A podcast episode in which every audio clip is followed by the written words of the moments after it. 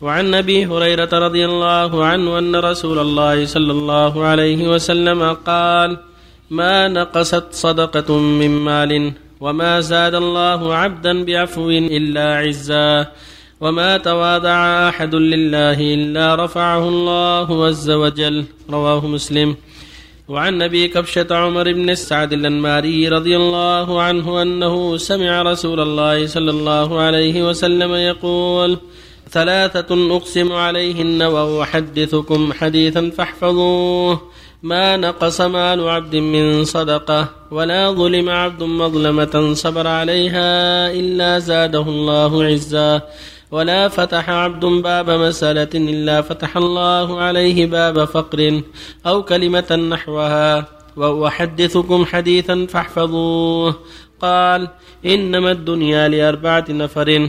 عبد رزقه الله مالا وعلما فهو يتقي فيه ربه ويصل فيه رحمه ويعلم لله فيه حقا فهذا بأفضل المنازل. وعبد رزقه الله علما ولم يرزقه مالا فهو صادق النية يقول لو أن لي مالا لعملت بعمل فلان فهو بنيته فاجرهما سواء وعبد رزقه الله مالا ولم يرزقه علما. فهو يخبط في ماله بغير علم لا يتقي فيه ربه ولا يصل فيه رحمه ولا يعلم لله فيه حقا فهذا بأخبث المنازل.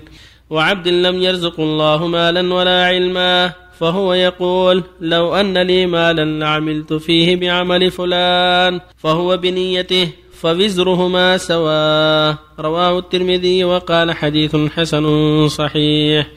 وعن عائشة رضي الله عنها أنهم ذبحوا شاة فقال النبي صلى الله عليه وسلم ما بقي منها؟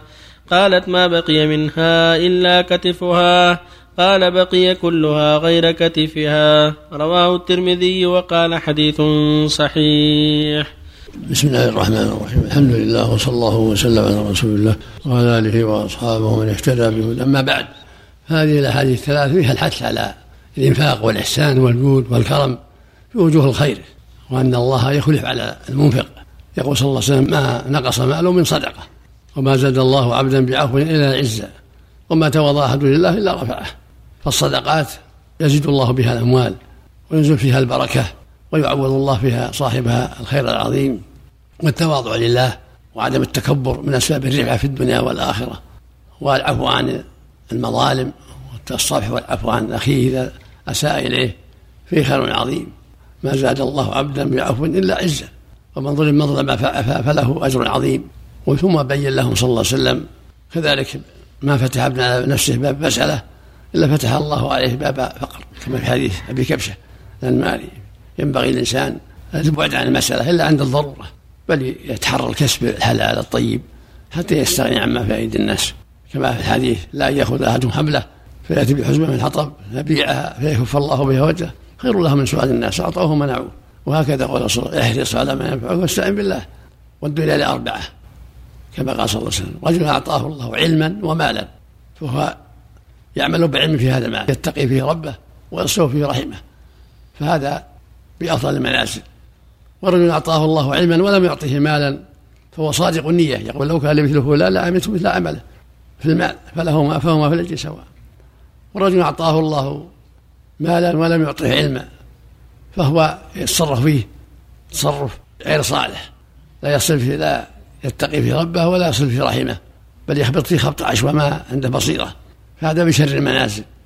ورجل لم يعطه الله لا مالا ولا علما فهو بنيته يقول لو كان مثل فلان لعملت مثل عمله. فهو مثله في الوزن سواء نسأل الله العافية.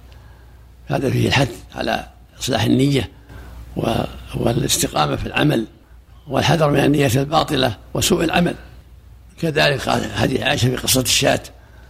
قال ماذا بقي منها؟ قالت بقي كتفها. قال بقيت كلها إلا كتفها. يعني أنها أنفقت في وجه الخير صدق بها. هي اللي باقية. والكتف في البيت هو باقي. الكتف اللي يأكلهم. يعني أن ما أنفق وصدق بها الفقراء منها هو اللي بقي في ميزان الحسنات. لأنه تصدق به في وجوه الخير. فالمقصود من هذا كله الحث على الصدقة والترغيب فيها وعدم البخل والشح. وفق الله الجميع. نعم. أحسن الله عليك. ما منزل صلة الرحم في هذا الأحاديث صلة الرحم القرابات يعني. نعم. الرحم كل قرابات رحم. وأقربهم الآباء والأمهات والأولاد وأولادهم. أهل يعني بعيد يعني في بلد ثاني وأراد أن يرسلهم يصلهم ولهم في بلد ثاني. يصلهم بالمكاتبة وإرسال الهدية والمساعدة. يكفي يرسلهم البرد موجودة. الله عليكم. هل يشرع أن نعفو عن الكافر إذا كنا لا نرجو إسلامه؟ ولو إذا من عفا أصلا قد ينفعه الله به. قد يهده الله يرى أن هذا من أخلاق الإسلام. قد يؤثر في قلبه هذا. قد يؤثر في قلبه. ما هو الأفضل يا شيخ؟ التصدق بثلث المال أم بكله؟ لابد الصدقة يخلي له ما ينفعه. لا يصدق بكله. مثل ما قال صلى الله عليه لكعب أمسك عليك بعض مالك فهو خير لك. يصدق ما تيسر. خلي ما يعينه على طاعة الله وينفق على أهله. هل يكون الخلع بلا مال؟ لا ما ناخذ إلا ماله إذا قال الزوج لا أريد تخالعني من خاب لك المال يصير طلاق من له له الرجعة. يكون طلاق. إيه له طلاق. ليس له رجعة إذا رجعها في عدتها؟ لا ما له رجعة إلا بعقد جديد. إذا كان المال لابد من عقد جديد. موافقتهما. نعم. تحية. المسجد يا شيخ. هي سنة مؤكدة من عند الإجماع؟ سنة مؤكدة. عند الإجماع شيخ؟ مدينة الله أعلم. أحسن الله عليكم في معلقات البخاري أن الصحابة رضي الله عنهم كان يلصق أحدهم في الصلاة كعبه بكعب أخيه إلى آخر الحديث. نعم. فهل يعني يسد هذا هذا معنى. مو معنى يحاكه يؤذيه يعني يسد هذا. كعبة جنب كعبة. ما هي فرج بينهم. بملامسة ما في لو هذا بس ما يخالف. بس من دون إيذاء بارك الله فيك. الحديث آه، وعبد لم يرزق الله مالا ولا علما فهو يقول لو ان لي مالا عملت فيه بعمل فلان فهو بنيته. يؤثم يا شيخ يأثم الرجل يا شيخ بنيته فقط. نيته الخبيثة. يأثم نيته الخبيثة على ظاهر الحديث نعم.